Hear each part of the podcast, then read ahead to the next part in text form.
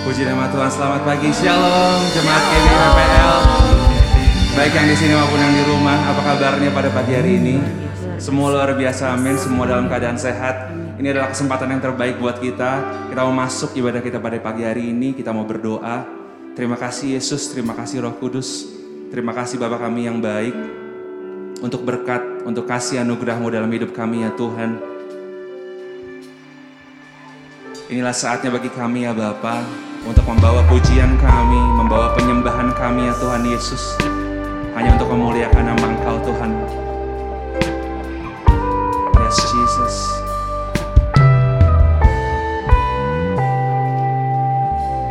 Yesuslah Tuhan yang layak ditinggikan, layak disembah oleh suku-suku bangsa.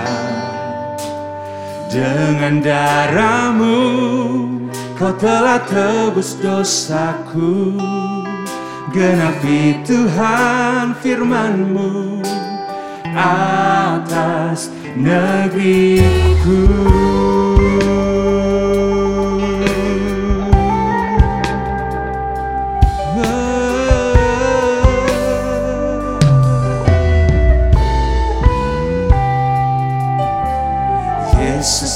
Tuhan yang layak ditinggikan, layak disembah oleh suku-suku bangsa. Dengan darahmu kau telah tebus dosaku, genapi Tuhan firmanmu atas negeriku.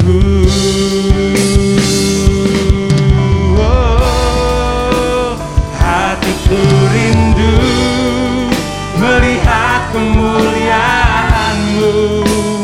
Hatiku rindu melihat curahan kuasamu di tanah tercinta negeriku Indonesia.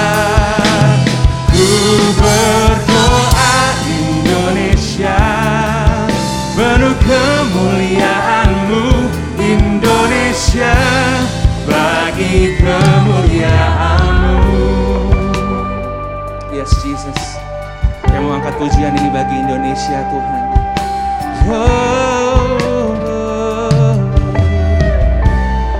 Bersama nyatakan Yesuslah Tuhan yang layak ditinggikan, amin. Layak disembah oleh suku-suku bangsa. Dengan darahmu kau telah tebus dosaku, genapi Tuhan firmanmu atas negeriku.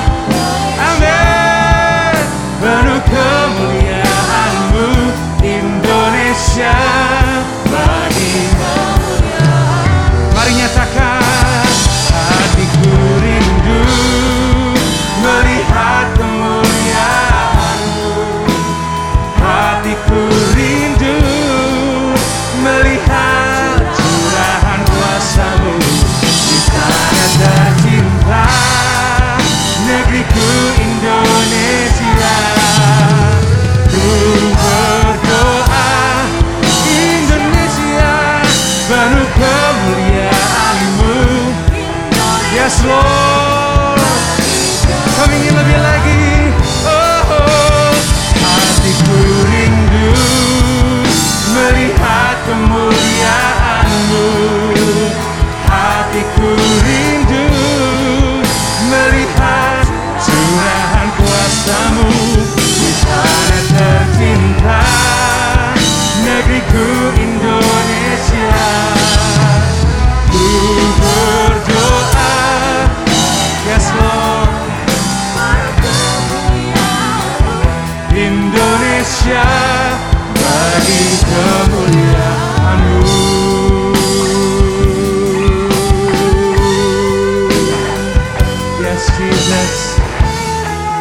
percaya Tuhan.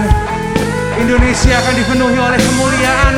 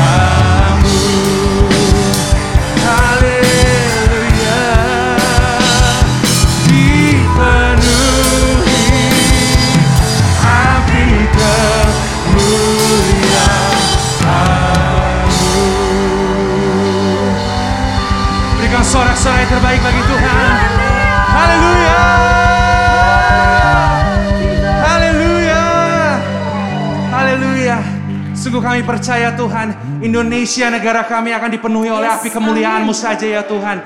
Inilah kami ya Bapa. Kami sekarang bebas untuk memuji Engkau, kami bebas untuk menyembah Engkau ya Tuhan Yesus. Sebab hanya namamu yang layak kami tinggikan, yang layak kami sembah di tempat ini Tuhan. Terima kasih Tuhan, terima kasih ya Roh Kudus. Inilah kami, kami siap untuk memuji dan memuliakan nama Engkau lebih lagi. Mari Sama-sama siap kita katakan, Amin. Sekali lagi shalom.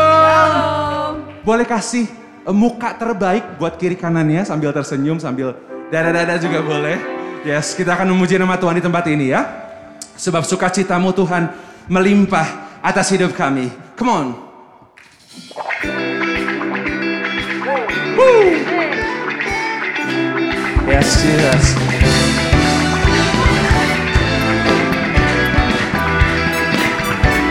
Haleluya.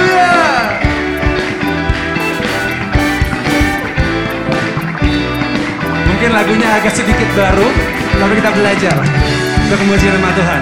Come on, sing. Takkan ku izinkan ketakutan Karena imanku pada Yesus Tuhan Tak ada alasan tawar hati Karena Yesus ada di sini Ku percaya firman Tuhan Sanggup menghidupkan dan berikan Sukacita dalam Tuhan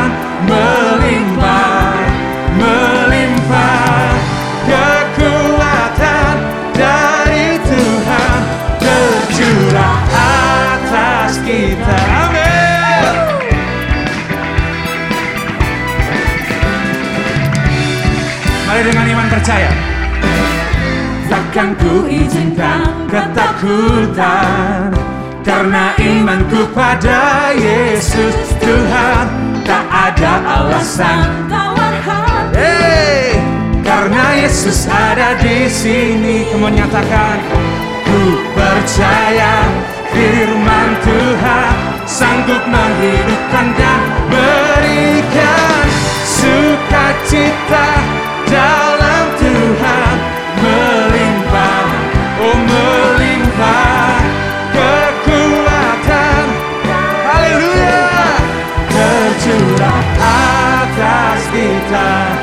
Komen tepuk tangan bagi Tuhan Yesus. Wow! Mari menari bagi Tuhan. Oh. Hey. Oh. Hey. Woo. Tepuk tangan lagi meriah lagi buat Tuhan Yesus. Hey.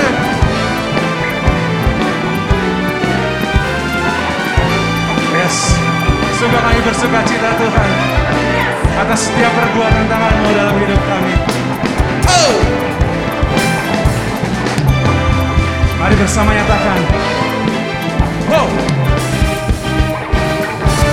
Sukacita dalam Tuhan melimpah, oh, melimpah kekuatan dari Tuhan tercurah atas sukacita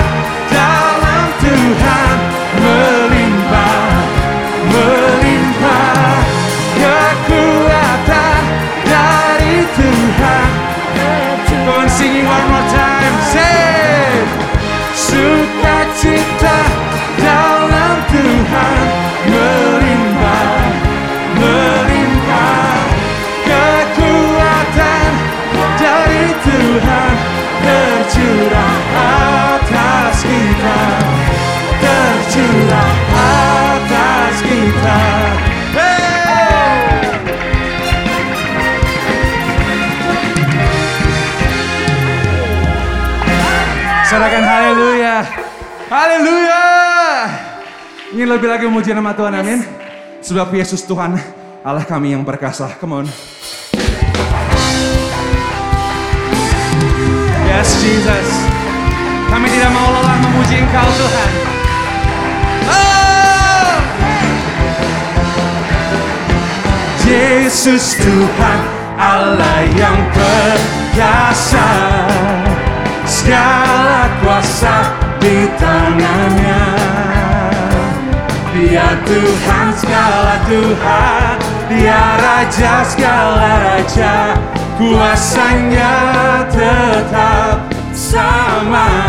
Sekali lagi bagi Tuhan Yuk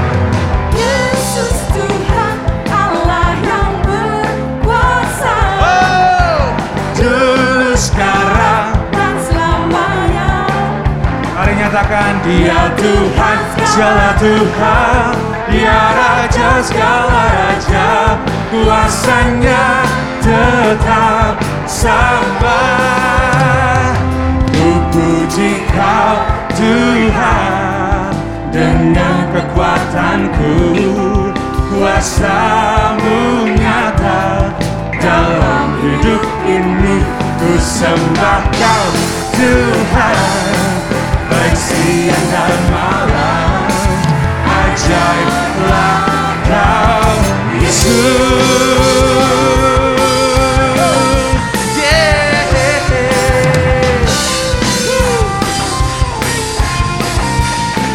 Lebih lagi nyatakan Yesus Tuhan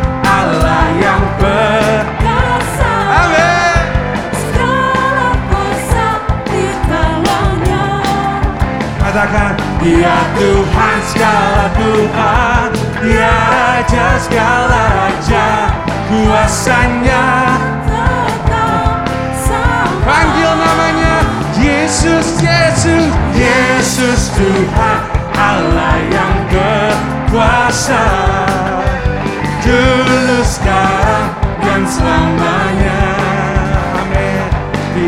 Tuhan segala Tuhan Dia Raja segala Raja Kuasanya. Come on everybody sing. Sing. Ku puji kau Tuhan Dengan kekuatanku. Kuasamu nyata Dalam hidup ini Ku sembah kau Tuhan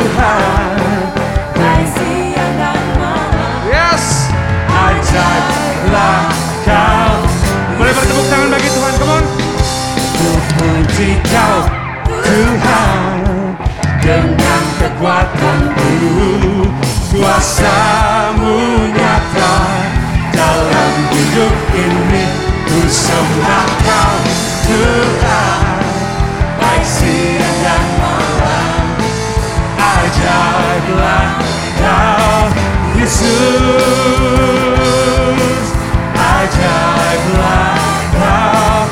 Yesus. Oh Ajaiblah kau Yesus. Yeah, yeah, yeah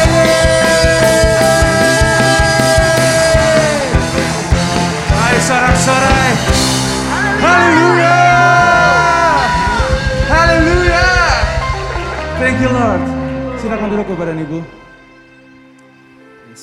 Sebab segala kemuliaan hanya bagimu ya Tuhan Yes Jesus Kini tiba saatnya bagi kami Tuhan Untuk mendengarkan firman-Mu Bapa.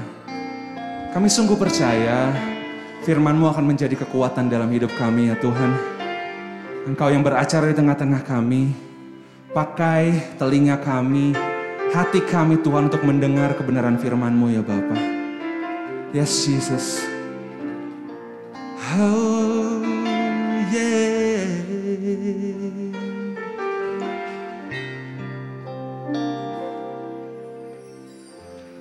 Ku datang kepadamu, kau terima diriku, kau segarkan jiwaku.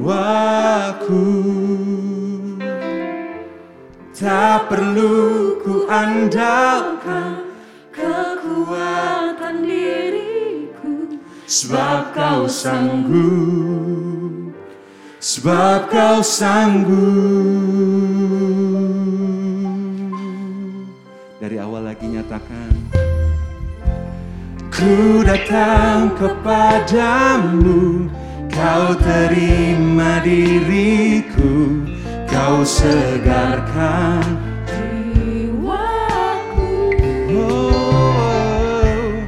tak perlu ku andalkan kekuatan diriku. Sebab kau sanggup sebab kau sanggup. Kau kekuatanku kau penghiburku kau tepati semua janjimu Di setiap langkah Aku kan berserah Memberikan hidupku bagimu. Yesus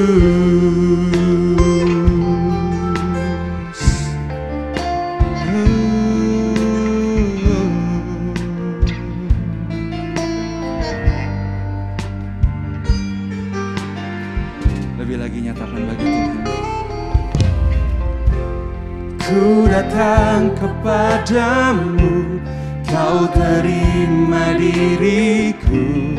Kau segarkan jiwaku. Amin. Tak perlu ku andalkan kekuatan diriku. Sebab kau sanggup. Sebab kau sanggup kekuatanku Kau penghibupku Kau Tepati semua janjimu. Di setiap langkah Aku kan berserah Memberikan hidupku bagimu.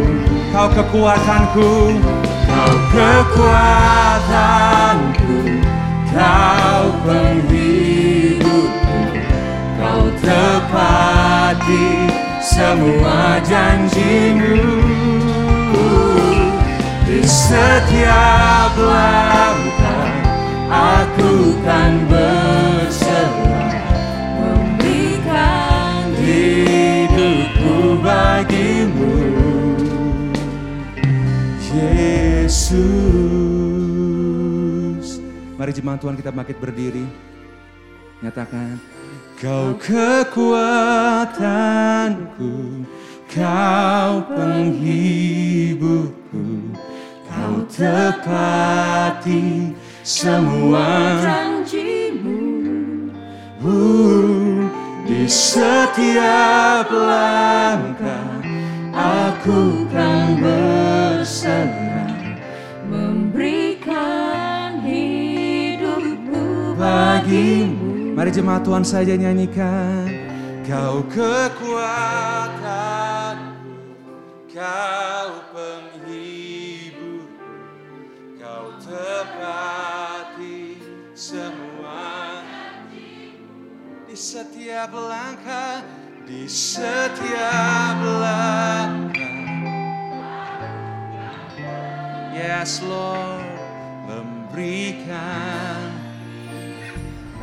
bagimu kau kekuatan, kau kekuatanku,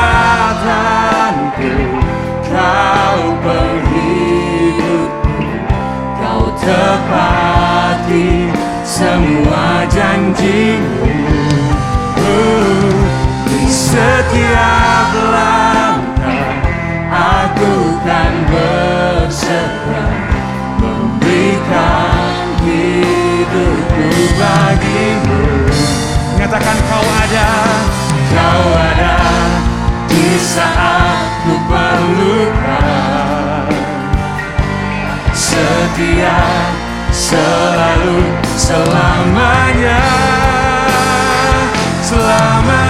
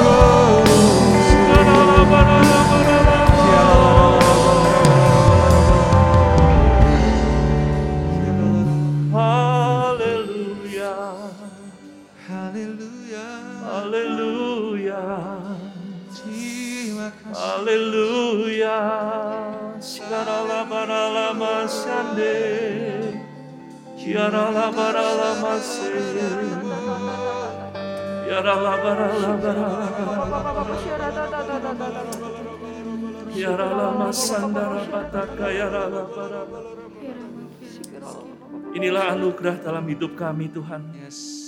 Saat kami di dalam Engkau, ya, Yesus. kami gak perlu mengandalkan kekuatan kami sendiri. Ya, Yesus. Di saat kami melihat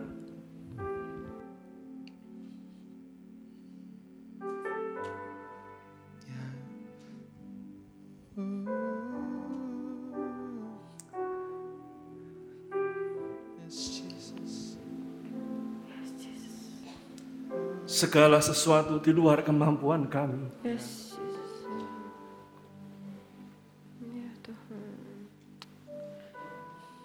Ada Tuhan yang membela kami. Amin.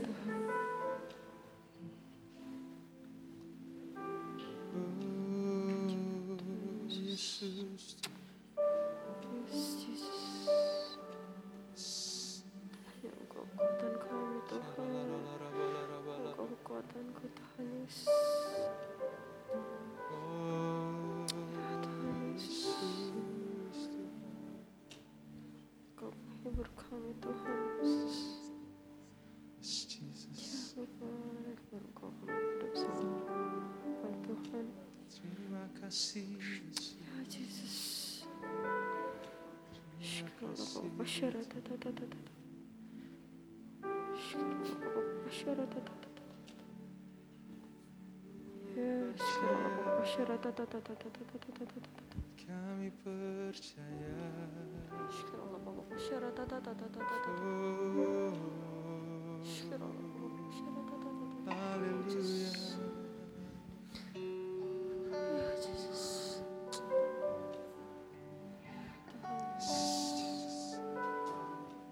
Di saat nggak ada yang peduli sama kami, Tuhan.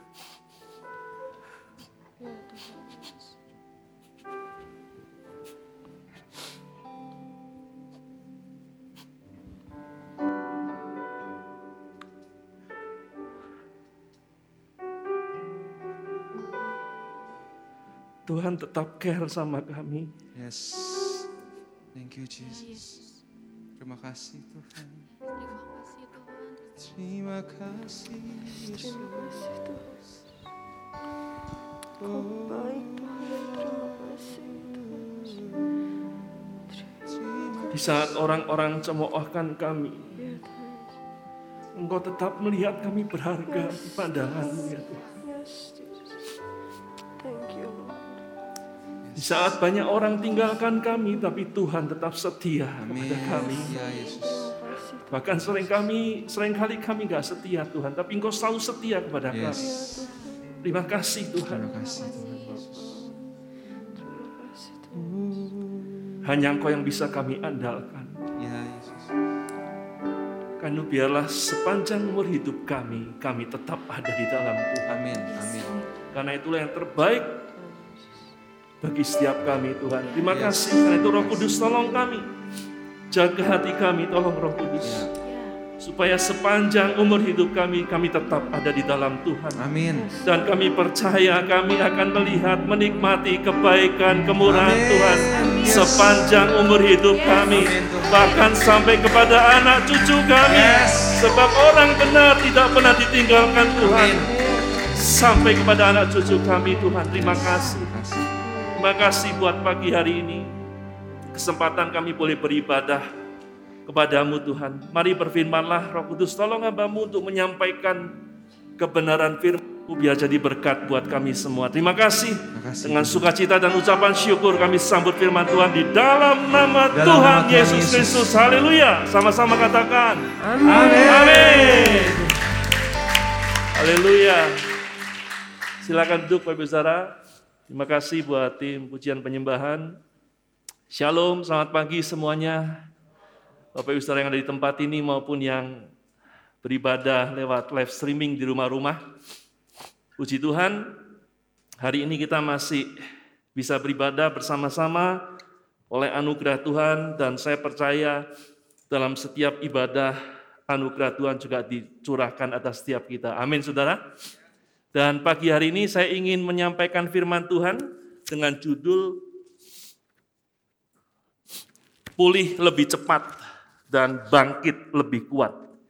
Saudara ini adalah moto yang disampaikan oleh pemerintahan negara kita ya bertepatan dengan hari ulang tahun ya kemerdekaan negara kita yang ke-77 hari Rabu kemarin Saudara ya. Dan ini adalah satu moto yang sangat luar biasa karena ini memberikan pengharapan, membangkitkan semangat ya. Dan ini memang mau nggak mau harus kita akui kita perlukan Saudara di masa-masa ini. Amin. Ya, bahkan bukan cuma kita yang perlu tapi seluruh penduduk dunia juga perlu Saudara.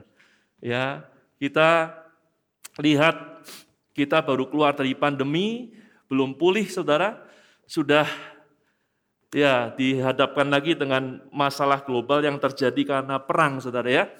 Dan karena itu Saudara bukan hanya negara-negara kecil, tapi negara-negara besar pun banyak yang terpuruk. Dan karena itu kita semua eh, menanti-nantikan berharap bisa pulih dari keadaan ini dan bangkit bahkan jadi lebih kuat. Amin Saudara. Nah, kalau negara pun, pemerintahan pun memberikan moto seperti ini, maka kita lebih per- kita harus juga percaya bahwa bagi anak-anak Tuhan akan ada pemulihan, akan ada kebangkitan yang besar. Amin.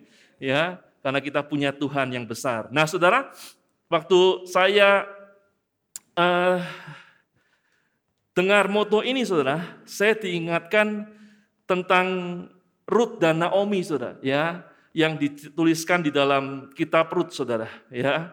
Bagaimana mereka mengalami keterpurukan yang sangat luar biasa, tetapi kemudian Tuhan pulihkan dengan sangat luar biasa sekali, Saudara ya. Sehingga mereka sangat ditinggikan, dimuliakan.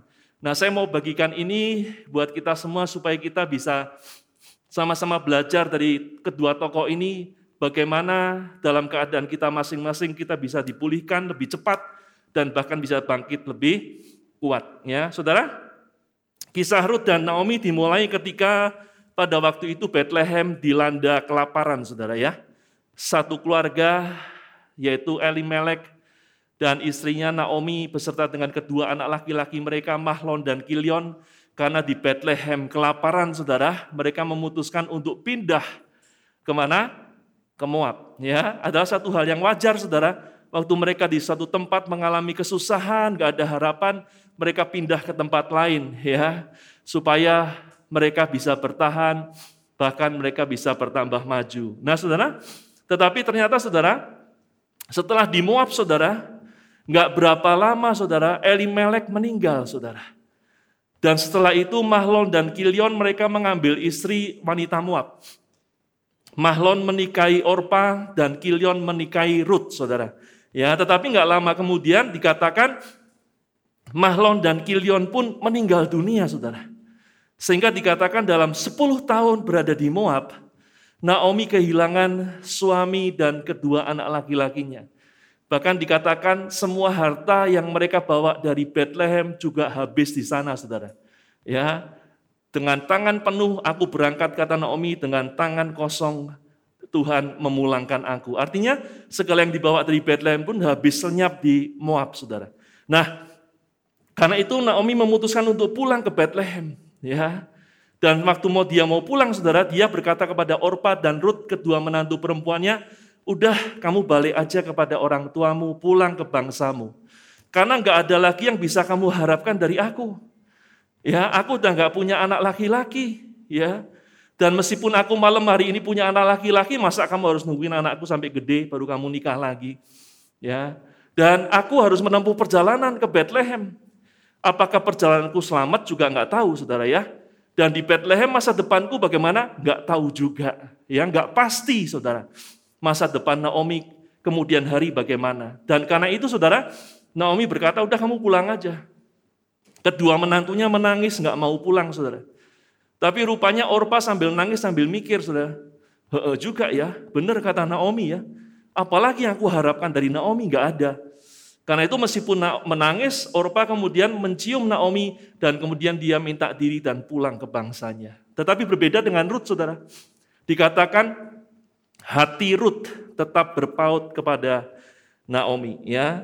Dan dalam Rut pasal yang pertama ayat 18 sampai dengan 21 Saudara ya, dikatakan ketika Naomi melihat bahwa Rut berkeras untuk ikut bersama-sama dengan dia, berhentilah ia berkata-kata kepadanya. Dan berjalanlah keduanya sampai mereka tiba di Bethlehem. Ketika mereka masuk ke Bethlehem, Gemparlah seluruh kota itu karena mereka. Dan perempuan-perempuan berkata, Naomi kah itu?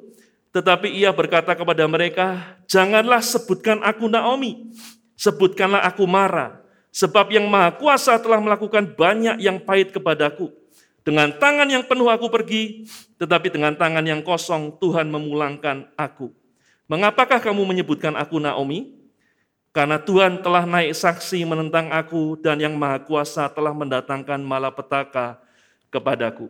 Ya, saudara, dari Rut pasal pertama ayat 18 sampai 21 kita lihat bahwa waktu kedua orang ini Naomi dan Ruth saudara mereka sampai di Bethlehem lagi ya mereka ada dalam keadaan yang sangat memprihatinkan saudara mereka nggak punya apa-apa hati mereka pahit karena penderitaan hidup Bahkan pengharapan mereka kepada Tuhan hampir lenyap, saudara. Karena mereka berkata, Tuhan menentang kami. Ya, saudara, mengapa hal ini terjadi, saudara? Ya, mereka Naomi dan Elimelek berangkat ke Bethlehem karena memang di eh, berangkat ke Moab, maaf, karena memang di Bethlehem terjadi kelaparan. Ya, dan mereka berangkat ke Moab dengan tujuan baik, saudara, supaya mereka bisa bertahan. Ya, tetapi kenapa dalam waktu 10 tahun Naomi harus mengalami keadaan yang sangat tragis. Kehilangan suami, kedua anaknya, dan juga semua harta benda mereka yang dibawa dari Bethlehem. Bukankah hal yang wajar, saudara? Kalau seseorang mengalami kelaparan di satu tempat, mereka cari tempat yang lain supaya bisa bertahan. Itu kan wajar. Bahkan itu sesuatu yang baik. Ya, Kalau saudara baca kejadian pasal 26, nanti di sana kita akan lihat Ishak pun pernah mengalami seperti yang dialami Naomi, saudara.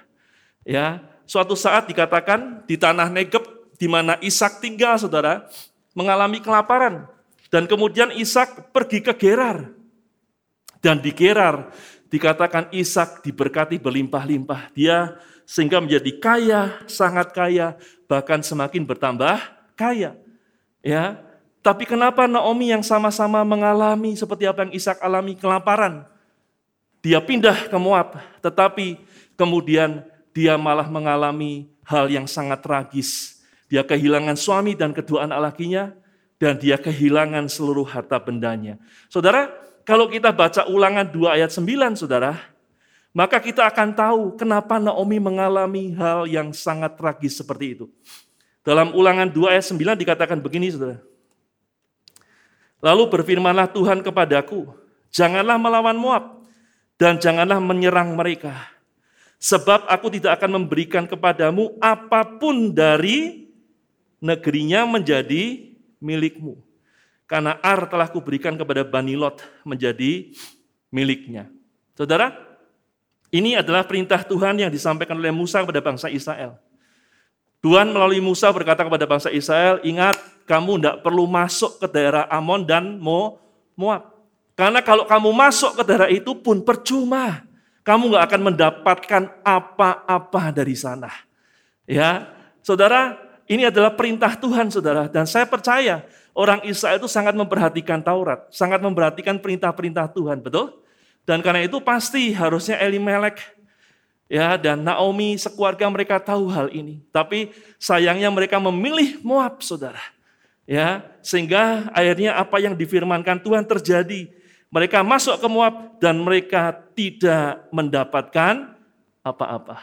Ya, bahkan apa yang ada mereka bawa dari Bethlehem habis, saudara. Ya, nah lebih jauh, saudara. Mengapa Tuhan melarang orang Israel masuk ke daerah Moab?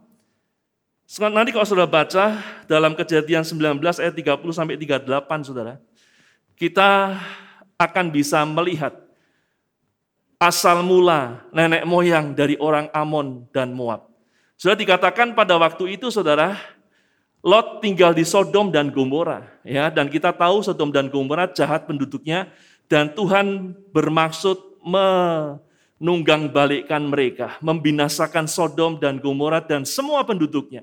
Tetapi Tuhan mengasihi Lot dan keluarganya, dan karena itu sebelum Tuhan menurunkan hujan api, hujan belerang atas Sodom dan Gomora, maka Tuhan mengutus malaikatnya untuk membawa Lot sekeluarga keluar dari Sodom dan Gomora.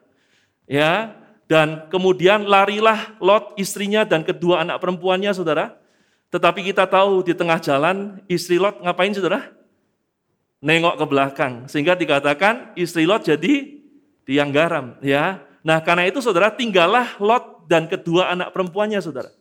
Dan dikatakan mereka tinggal di sebuah gua di dekat Zoar, kota Zoar, saudara. Dan waktu mereka tinggal di Zoar, saudara, anak perempuan Lot ngomong, yang sulung ngomong sama yang bungsu. Di sini nggak ada cowok, ya. Nanti kita nggak punya keturunan. Yuk kita buat papa mabuk. Nanti kita tiduri papa, ya. Dan malam itu, saudara, mereka membuat Lot mabuk, saudara. Dan waktu Lot mabuk, malam itu yang sulung masuk dan meniduri ayahnya. Besoknya yang sulung ngomong semalam aku udah, nanti kamu ya. Dan malam itu mereka kembali membuat Lot mabuk. Dan malam itu yang bungsu meniduri ayahnya sendiri. Dan karena hal itulah saudara, kedua anak perempuan Lot hamil. Yang sulung melahirkan anak laki-laki yang diberi nama Moab. Dan dialah bapak orang Moab saudara. Dan yang bungsu melahirkan anak laki-laki juga yang namanya Ben Ami. Dan dialah bapak orang Amon. Nah saudara kita tahu bahwa ternyata begini saudara. Akar atau nenek moyangnya dari Rut ini adalah ya akar atau nenek moyang bangsa Amon dan Moab itu adalah terjadi karena incest saudara. Karena dosa di hadapan Tuhan. Bagaimana mungkin seorang anak bisa meniduri ayahnya sendiri? Ya, Ruth tahu bahwa akar nenek moyangnya itu sangat tidak baik. Karena itulah saudara, kenapa Ruth tidak mau kembali kepada bangsanya. Dia mau ikut bersama dengan Naomi masuk dalam keluarga bangsa Israel. Ya, dan karena itulah saudara, kenapa Tuhan tidak mau Israel bergaul dengan Amon dan Moab. Karena kalau akarnya seperti itu, pasti buahnya juga nggak jauh, saudara ya. Dan Tuhan nggak mau bangsa Israel tercemar dengan kejahatan orang-orang Amon dan Moab, saudara.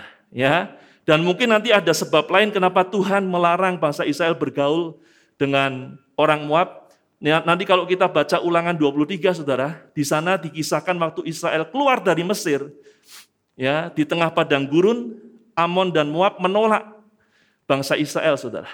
Ya, bahkan raja mereka Balak memanggil Biliam untuk mengutuki bangsa Israel, dan karena itu Tuhan marah. Dan Tuhan karena itu tidak mengizinkan bangsa Israel bergaul dengan orang Moab, saudara. Nah itulah saudara, mengapa akhirnya Naomi dan sekeluarga mengalami keadaan yang sangat tragis. Dan saudara, dari apa yang saya paparkan tentang Naomi dan Ruth, saudara, saya mendapati bahwa ini adalah dua masalah yang sering kali menimpa anak-anak Tuhan. Ya, sehingga harusnya banyak berkat Tuhan yang mereka terima, tapi terhalang Bahkan saudara, apa yang diusahakan sering kali menjadi seakan-akan sia-sia, nggak ada hasilnya saudara. Apa dua hal itu? Yang pertama saudara, seperti Ruth mengalami masa lalu yang nggak baik, dia datang dari nenek moyang yang tidak baik saudara. Ya, maka sering kali anak-anak Tuhan juga mengalami banyak hal yang nggak baik di masa lalu saudara. Dan semua itu jadi penghalang berkat Tuhan di masa saat ini dan masa yang akan datang. Ya, ada cukup banyak anak-anak Tuhan yang mengalami trauma-trauma, mengalami kegagalan-kegagalan, ya, dan pengalaman-pengalaman masa lalu yang menghantui sehingga mereka nggak bisa menjadi maksimal di saat ini. Bahkan kita juga sering mendengar ada istilah kutuk nenek moyang. Seringkali ada kesalahan-kesalahan yang dilakukan oleh nenek moyang kita. Ya, dan akibatnya itu juga berpengaruh dalam kehidupan kita. Saya bukan mengajak kita untuk menyalahkan nenek moyang, saudara. Tetapi firman Tuhan juga mengajarkan seperti itu. Ada dosa-dosa tertentu yang dikatakan bahwa akibatnya akan ditanggung sampai keturunan bahkan ketiga dan keempat. Ya, karena itu saudara sama seperti Ruth menghadapi masalah dari masa lalunya. Seringkali anak-anak Tuhan juga menghadapi masalah dari masa lalu kita masing-masing, saudara, yang berbeda satu dengan yang lain. Dan saya percaya pengorbanan Kristus di kayu salib itu sudah mematahkan semua kutuk, tetapi pada kenyataannya, saudara, tetap ada hal-hal tertentu yang harus dibereskan. Amin, saudara. Ya, bukan karena Tuhan nggak berkuasa, bukan. Tapi sering kali, nggak semua orang mungkin, saudara ya. Tapi cukup banyak saya melihat ada masa lalu-masa lalu orang-orang tertentu yang harus dibereskan secara khusus. Meskipun mereka sudah percaya kepada Tuhan Yesus. Meskipun mereka lahir baru, meskipun mereka hidup dalam kebenaran. Tapi apa yang berasal dari masa lalu, ada yang harus dibereskan. Dan kalau ada yang harus dibereskan, saudara, roh kudus akan kasih tahu sama kita. Ya, saudara, beberapa tahun yang lalu, sudah cukup lama, saudara, ada seorang mahasiswa dari luar kota Bandung. Dia berkuliah di salah satu perguruan tinggi di kota Bandung, saudara. Dan selama dia tinggal di Bandung kuliah, dia juga beribadah bersama-sama dengan kita. Ya, ini sudah lama sekali, saudara. Dan ini anak baik, rajin ibadah, bahkan melayani Tuhan, ya, nggak neko-neko hidupnya. Tapi tiba-tiba, saudara, waktu dia berumur 21 tahun, tiba-tiba dia sering kesurupan, saudara. Padahal dia nggak pernah main okultisme. Orangnya juga baik, rajin ibadah, rajin pelayanan. Tapi tiba-tiba sering ke kesurupan. Dan waktu itu saudara, semua pelayan Tuhan, para pendoa terutama, melayani dia ya dan cukup heran kenapa bisa terjadi. Tapi setelah dikonseling, diajak ngobrol, dan lain sebagainya, roh kudus tunjukkan apa penyebabnya. Ternyata saudara, kakeknya anak ini itu orang pinter, saudara. Dan dia bernasar, saya akan mewariskan ilmu saya kepada cucu laki-laki saya yang pertama. Dan anak ini adalah cucu laki-lakinya yang pertama. Sehingga pada waktunya datang, saudara, hal itu terjadi. Ingat, orang tua punya otoritas atas anak-anaknya. Karena itu hati-hati dengan kita para orang tua, karena apa yang kita lakukan benar jadi berkat, tapi kalau kita nggak benar, itu bisa jadi masalah buat anak cucu kita. Ya, dan karena itulah pelajar mahasiswa ini saudara tiba-tiba sering kerasukan. Tapi puji Tuhan dilayani, dilayani dan akhirnya dibebaskan. Ya, saudara, memang kita nggak boleh menyalahkan nenek moyang kita, tapi sering kali ada hal tertentu dari masa lalu. Belum lagi pengalaman-pengalaman buruk kita di masa lalu, trauma-trauma, ketakutan, kekhawatiran, ketidakpercayaan diri, ya dan lain sebagainya. Itu ada hal-hal tertentu yang harus dibereskan dalam hidup kita. Dan kalau kita nggak membereskan itu, saudara, banyak penghalang. Ya, ada penghalang yang menghalangi berkat yang harusnya kita terima. Tapi kalau itu ada, saya percaya Roh Kudus akan tunjukkan sama kita. Amin, saudara. Ya, karena itu kenapa saudara harus ikut MK, ya, Saudara harus mau dilayani hamba-hamba Tuhan, supaya apa yang tidak terlihat di alam jasmani, tapi itu jadi penghalang di alam rohani, dinyatakan oleh Tuhan dan dibereskan. Amin. Ya, sehingga saudara hidupnya nggak ada penghalang. Saudara bisa pulih cepat dan bangkit lebih kuat. Amin. Ya, itu yang pertama saudara, masalah yang sering kali dihadapi oleh anak-anak Tuhan, yaitu masalah-masalah dari masa lalu. Kegagalan, trauma, dan lain sebagainya termasuk kutuk nenek moyang. Yang kedua saudara, seperti yang Naomi alami. Naomi, Elimelek, sekeluarga, mereka salah membuat keputusan. Mereka salah melangkah. Mereka salah bertindak. Dan itu akibatnya nggak main-main. Sehingga Elimelek, kedua anak mereka, harus meninggal di Moab. Dan Naomi harus kehilangan segalanya. Karena itu hati-hati saudara, ya kita kenapa harus mengandalkan Tuhan, harus sungguh-sungguh sama Tuhan supaya kita diluputkan dari yang seperti itu. Banyak anak Tuhan yang sering kali mereka jadi mengalami masalah, harusnya nggak perlu. Kenapa saudara? Karena selain ada penghalang dari masa lalu, yang kedua mereka juga sering kali membuat kesalahan-kesalahan dalam mengambil keputusan, dalam bertindak. Ya, contoh saudara, banyak orang-orang yang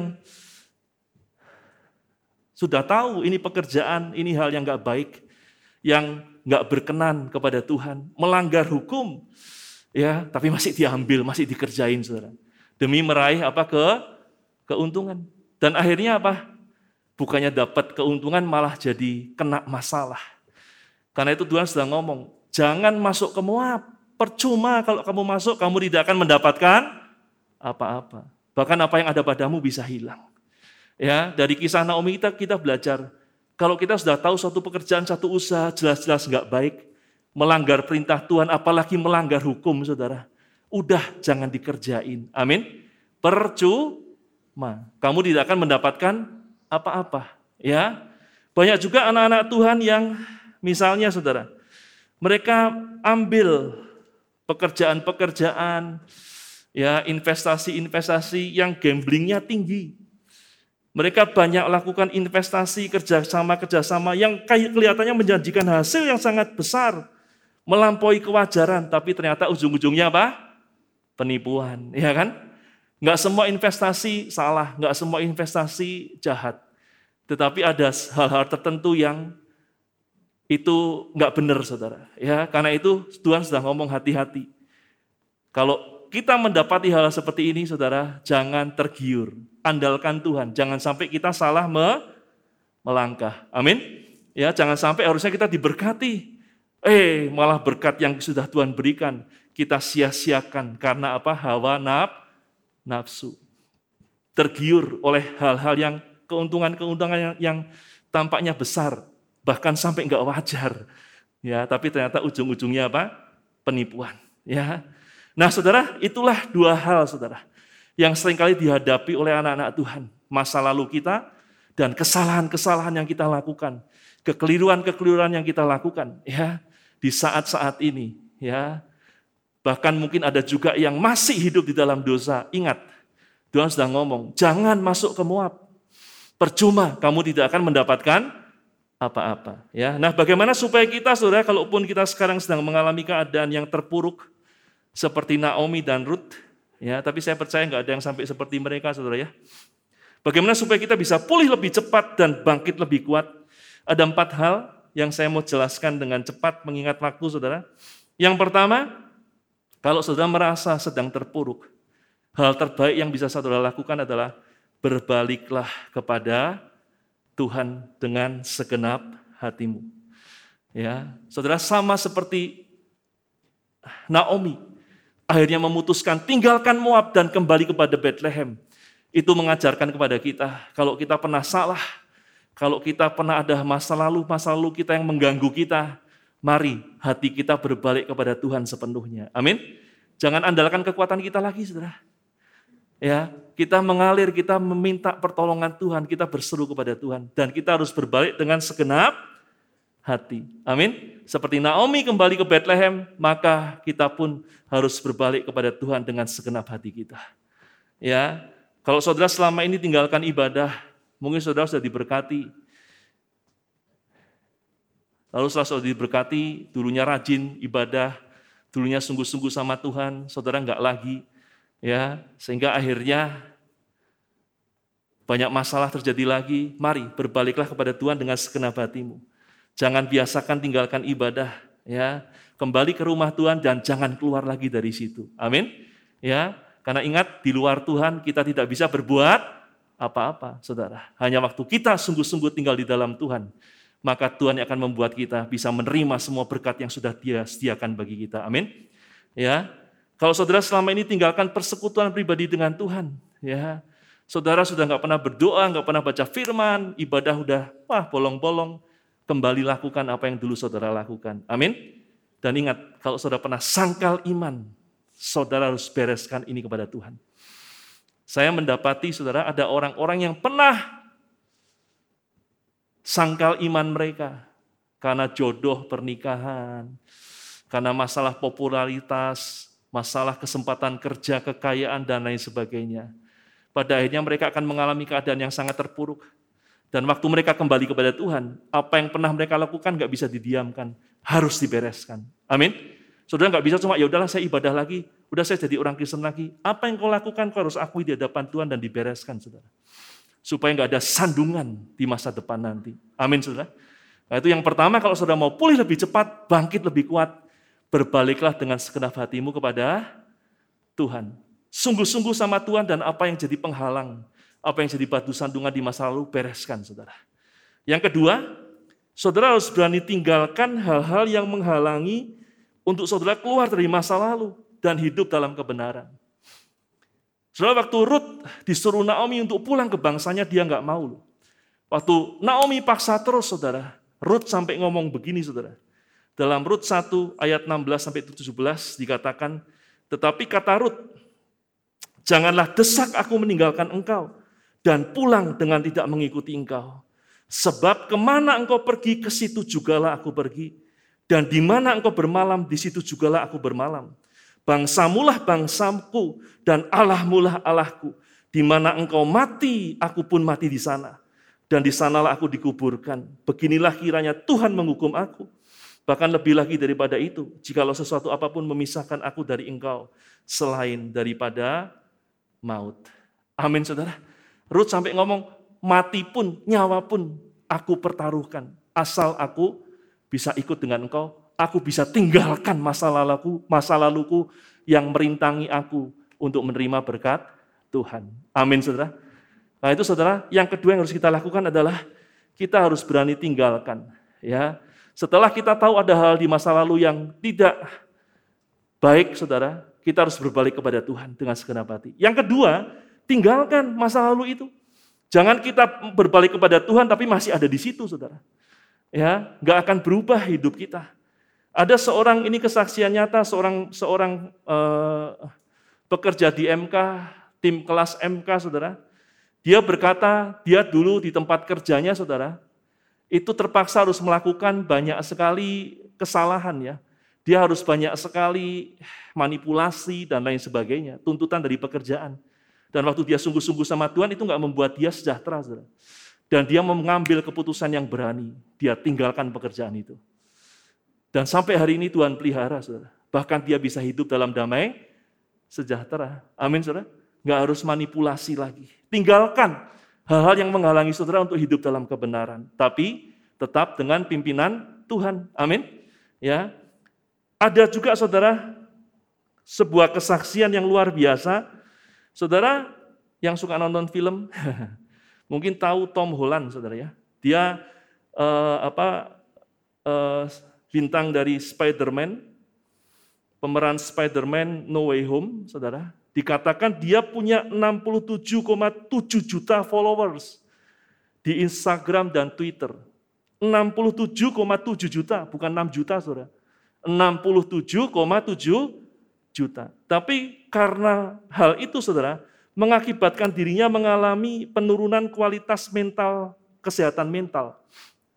Mungkin karena harus banyak menjawab pertanyaan orang-orang pengikutnya, saudara. Ya, harus bisa mengikuti keinginan mereka lama-lama jadi aduh, jiwanya terganggu, ya. Dan akhirnya Tom Holland memutuskan menghapus, mematikan, menghentikan kedua aplikasinya tersebut.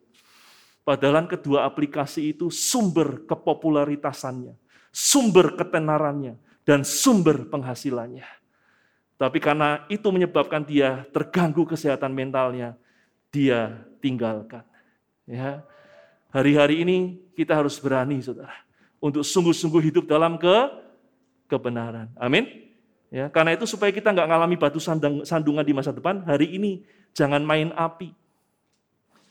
Ya, dengan coba-coba hal-hal yang kita udah tahu salah. Nanti ke depannya kita yang susah sendiri, saudara. Betul?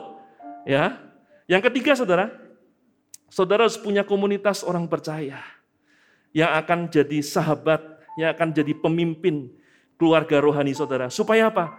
Saudara bisa dimentor untuk bisa hidup dalam kebenaran Tuhan sepenuhnya. Ruth nggak akan pernah dipulihkan hidupnya kalau dia nggak ada Naomi, saudara. Dan karena Naomi lah, maka hidup Ruth juga dipulihkan. Tetapi Naomi juga diberkati karena ada Ruth, sehingga hidupnya juga dipulihkan. Ya, sehingga Ruth dari seorang pemungut jelai yang memungut jelai-jelai yang jatuh, saudara. Pekerjaan yang sangat rendah di Israel. Tapi Ruth dijadikan istri pemilik ladang jelai, ladang gandum. Ruth dari wanita Moab yang hidupnya dikutuk oleh Tuhan. Tapi dia dijadikan bangsa pilihan Tuhan. Bahkan dia dijadikan nenek moyang dari Tuhan Yesus. Karena lewat perkawinannya dengan Boas, Ruth melahirkan Obed ayah Isai, kakeknya Raja Daud, dan Raja Daud adalah nenek moyang dari Tuhan Yesus. Amin. Ya. Naomi juga dipulihkan. Dia harusnya sebatang kara, tapi dia punya menantu yang setia. Dia punya cucu, bahkan dia jadi juga nenek moyangnya Tuhan Yesus. Harusnya hidupnya susah. Mungkin sampai tua harus kerja terus, saudara, kerja keras lagi. Tetapi dia terpelihara hidupnya karena ada Ruth bersama-sama dengan dia. Amin. Nah, itu saudara harus punya komunitas orang percaya yang akan menolong saudara untuk bisa menerima semua berkat yang Tuhan sediakan buat saudara. Amin. Amin saudara. Ya. Dan setelah saudara, ini yang keempat yang terakhir, setelah saudara punya komunitas itu, jangan tinggalkan mereka. Ya, saudara Orpa harusnya jadi seperti Ruth, wanita Moab. Tapi Tuhan pindahkan jadi bangsa pilihan. Tetapi sayang, Orpa meninggalkan Naomi. Padahal Tuhan sudah berikan Naomi dalam hidupnya. Supaya Tuhan bisa mengubahkan hidup Orpa sama seperti Tuhan mengubahkan hidup Ruth lewat Naomi. Tapi sayang saudara, di Rut pasal 1 ayat 14 dikatakan, Menangis pula mereka dengan suara keras, lalu Orpa mencium mertuanya itu minta diri. Tetapi Ruth tetap berpaut kepadanya. Orpa nangis harus tinggalin Naomi. Tapi dia akhirnya cium pipi Naomi dan dia tinggalkan Naomi. Padahal Naomi sudah diberikan Tuhan untuk Orpa supaya hidupnya berubah. Saudara hargai setiap orang yang Tuhan berikan dalam kehidupan saudara. Karena lewat mereka lah Tuhan akan mengubahkan, memulihkan, membangkitkan hidup kita. Amin. Bahkan akan membawa kita dalam rancangan Tuhan yang sempurna. Amin, saudara. Ya, jangan tinggalkan keluargamu karena mereka ditempatkan Tuhan untuk jadi berkat dalam hidup kita kan dan kita jadi berkat buat mereka. Jangan tinggalkan komunitasmu. Jangan tinggalkan pemimpin-pemimpin rohanimu. Karena mereka lah yang Tuhan berikan untuk menuntun kita hidup dalam kebenaran firman Tuhan. Saudara, saya mau akhiri firman ini dengan sebuah kisah nyata. Saudara. Ada seorang ibu Dia dan suaminya suatu saat sama sekali nggak ada penghasilan, saudara.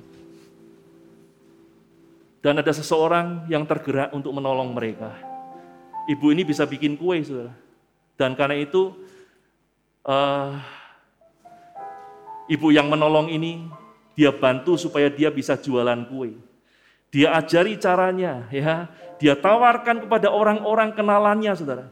Kalau dia sendiri ya, ibu pertama ini, ibu yang buat kue ini yang nawarin sendiri mungkin belum ada, belum tentu orang beli, saudara. Tapi karena ada ibu yang menolong ini, yang memasarkan kepada rekan-rekannya, saudara, sehingga banyak orang beli, ya. Dan akhirnya lama-lama jadi bertambah besar. Dan dari hasil penjualan ini, si ibu yang buat kue ini dikasih penghasilan yang pantas, yang cukup. Tapi rupa-rupanya rupa-rupanya lama-lama si ibu yang buat kue ini ngitung, saudara. Wah, penghasilannya kok cukup gede juga ya, keuntungannya. Tapi kok aku dikasihnya cuma segini? Padahal beberapa ibu yang menolong dia ini saudara, merencanakan dari hasilnya nanti akan ditabung supaya bisa buka toko kue. Sehingga dia bisa mendapatkan penghasilan yang lebih besar lagi. Ke depannya bukan cuma jualan kue, open PO, tapi bisa punya toko kue mudah-mudahan. Tapi sayang dia rupanya tergiur dengan keuntungan yang besar. Dan tiba-tiba dia ketemu dengan orang lain yang menjanjikan mau kasih modal sama dia mungkin beli kuenya enak dan lain sebagainya. Dan akhirnya ibu ini tinggalkan ibu-ibu yang menolong dia ini, saudara.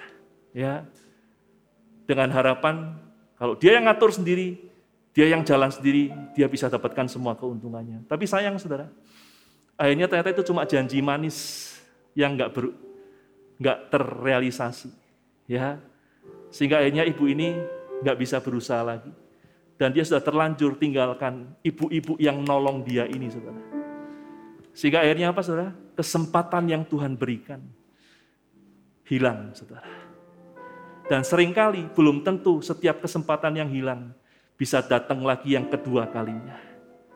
Dan karena itu jangan jadi orang yang suka meninggalkan orang-orang yang Tuhan tempatkan dalam kehidupan saudara. Karena itu Amsal berkata orang baik hati banyak, tapi orang yang setia jarang. Ya. Dan kalau kita mau menerima berkat Tuhan yang terbaik, nggak cukup kita jadi orang yang baik hati. Tapi kita harus jadi orang yang setia. Amin. Kalau kita jadi orang yang setia, saya percaya segala yang terbaik dari Tuhan kita pasti akan dapatkan. Sehingga kita bisa pulih lebih cepat, bangkit lebih kuat. Kita menikmati kebaikan kemurahan Tuhan. Anak cucu kita dipelihara oleh Tuhan. Dan hidup kita mempermuliakan Tuhan. Mari bangkit berdiri bersama dengan saya. Nyanyikan pujian ini dan kita berikan tepuk tangan bagi Tuhan kita. Haleluya. Saat ku tak mampu berharap. Amin. Kekhawatiran menghimpit jiwaku. Kekuatanku datang darimu. Amin. Berbaliklah kepada Tuhan dengan segenap hatimu. Memampukanku. Hanya Tuhan pengharapan kita. Berharap. Betul. Amin. Ajarku mengenal hatimu. Kenali orang-orang yang Tuhan tempatkan dalam hidup kita Percaya untuk menjaga kita, yang terbaik. untuk menolong, menolong kita dan supaya Tuhan bisa bekerja sepenuhnya dalam hidup kita lewat mereka semua. Amin. Kau Allah yang tak akan tinggalkan. Amin. Dia Allah yang setia, Tuhan. Ku percaya Engkau bekerja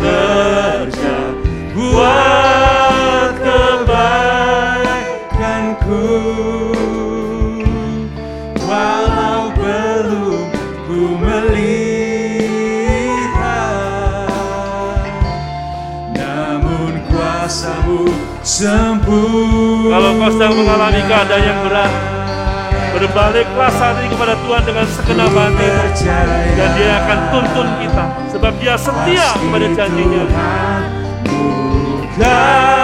Bukakan jalanku di waktumu yang terbaik.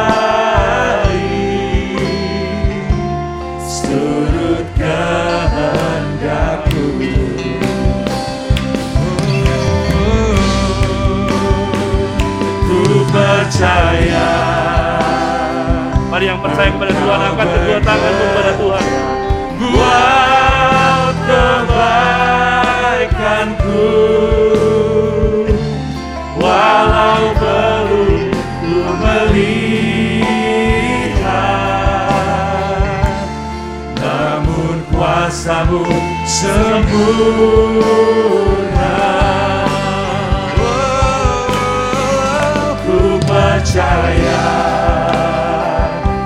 pasti Tuhan bukakan jalanku.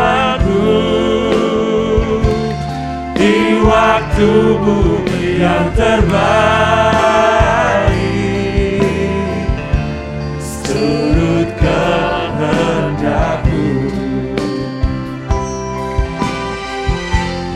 Di waktumu yang terbaik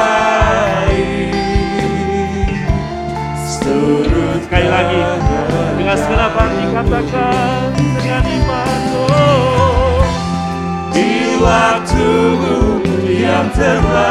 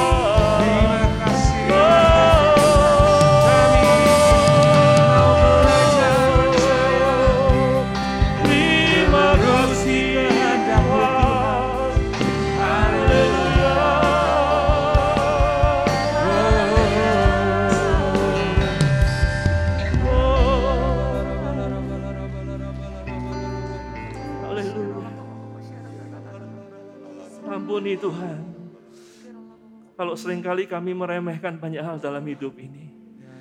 Sehingga sering kali banyak kebaikan Tuhan yang hilang kembali. Banyak waktu kami yang terbuang Tuhan. Tapi hari ini kami belajar dari tokoh-tokoh iman yang kau nyatakan kepada kami. Bahwa hanya di dalam engkau kami bisa menikmati segala yang terbaik dalam hidup ini. Karena itu tolong Tuhan supaya kami nggak keluar lagi dari kasih karuniamu. Nggak keluar lagi dari hadiratmu. Nggak keluar dari firmanmu Tuhan. Kami mau berbalik dengan segenap hati kami kepada Tuhan. Terima kasih Tuhan. Untuk orang-orang yang Tuhan tempatkan dalam hidup kami. Sehingga lewat, lewat mereka semua kami dijaga, kami dituntun untuk ada jalan-jalan-jalan Tuhan. Dan tolong kami untuk mengerti, untuk mengenali orang-orang yang Tuhan tempatkan dalam hidup kami. Dan akan Tuhan pakai untuk jadi saluran berkat. Supaya kami bisa setia satu sama lain. Dan kami saling mengasihi satu sama lain. Saling memberkati satu sama lain. Biar kami jadi orang yang setia bukan hanya kepada Tuhan. Tetapi kepada orang-orang yang Tuhan tempatkan dalam hidup kami. Makasih Tuhan namamu berdoa buat umatmu di tempat ini. Kami percaya seberapa berat pun pergumulan yang sedang dihadapi. Tuhan pasti pulihkan seperti engkau pulihkan Naomi dan Ruth Tuhan. Dalam nama Yesus. Kau akan pulihkan cepat Yes. dan bangkitkan mereka lebih kuat. Dalam Amin. nama Yesus. Dalam nama Tuhan Yesus. Juga buat umatmu yang ada di rumah Tuhan. Ya. Berkati dalam nama Yesus. Yang sakit hambamu sepakat memohon biar kesembuhan bilu Yesus terjadi dalam nama Yesus. Yang sedang mengalami pergumulan dalam usaha pekerjaan Tuhan bukakan pintu. Tuhan bukakan jalan dalam nama Yesus. Bukakan tingkat langit atas usaha pekerjaan dan keuangan anak-anakmu ini Tuhan. Dalam nama Yesus. Tuhan berkati anak cucu kami. Supaya semua yang kami tabur jadi berkat dalam kehidupan mereka. Amin, amin. Bertumbuh, berbuah, berlipat kali Yes. ganda untuk kemuliaan nama Tuhan. Amin. Dalam nama Dalam nama Yesus. Yesus. Berkati Tuhan umatmu yang mengasihi rumah Tuhan, yang peduli rumah Tuhan. Biar mereka boleh menikmati kebaikan Yes. kemurahan Tuhan. Terima kasih. Terima kasih. Berkati para pemimpin kami Tuhan. Pak Budiman, Pak Lukas Suherli, Pak Lukas Yonatan, semua gembala cabang. Berkati Pak Ian, C. Esther yang mengembalakan di tempat ini. Ya. Beserta semua tim pengembalaan. Biar kekuatan Tuhan, pengurapan Tuhan, kasih setia Tuhan menuntun Amin. para pemimpin kami di tempat ini dalam nama Yesus. Terima kasih kami juga berdoa buat bangsa negara kami. Biar moto yang disampaikan pulih lebih cepat, bangkit lebih kuat terjadi atas Indonesia. Yes. Karena kami gerejamu sepakat dan kami berdoa. Biar terjadi Tuhan pemulihan atas bangsa kami Indonesia. Dan biar Indonesia NKRI lebih kuat Tuhan di dalam nama Yesus. Bahkan boleh jadi berkat buat bangsa-bangsa lain. Terima kasih. Berkati hambamu Pak Jokowi, Pak Maruf Amin, dan semua jajaran pemerintahan. Pengurapan Tuhan tetap menyertai mereka. Sampai akhir masa pemerintahan mereka, mereka tetap kuat, semangat melakukan yang terbaik Yes. buat Indonesia. Dalam nama Yesus. Dan kami percaya Indonesia akan dipulihkan. Indonesia akan diberkati. Yes. Dan Indonesia jadi kemuliaan buat Amin. Tuhan. Dalam nama Yesus. Terima kasih Tuhan. Sebentar kami meninggalkan tempat ini. Dan kami percaya sebelum kami berpisah. Tuhan sudah menyediakan berkat buat kami. Yes. Kami angkat kedua tangan kami, kami buka hati kami untuk terima berkat Tuhan. Jemaat yang dikasih Tuhan, Engkau sudah mendengar firman Tuhan. Berbaliklah kepada Tuhan dengan sepenuh hatimu. Dan hiduplah dengan tekun dan setia dengan orang-orang yang Tuhan tempatkan dalam hidupmu. Dan engkau akan melihat kebaikan kemurahan Tuhan menyertai engkau sepanjang umur hidupmu. Amin. Bahkan sampai ke anak cucumu. Sebab itu pulanglah dengan penuh damai sejahtera dan sukacita dan membawa berkat Tuhan yang terbaik jasmani dan rohani dari Allah Bapa di surga, di dalam anak yang tunggal Tuhan kita Yesus Kristus, dan dalam persekutuan yang manis dengan Allah Roh Kudus, menyertai kita senantiasa, mulai saat ini sampai Maranatha, bahkan sampai selama-lamanya. Di dalam nama Yesus Kristus aku lepaskan berkat ini, dan kita semua yang percaya menerimanya sama-sama katakan, Amin. Haleluya. Selamat pagi Bapak Ibu Saudara. Tuhan memberkati. Shalom.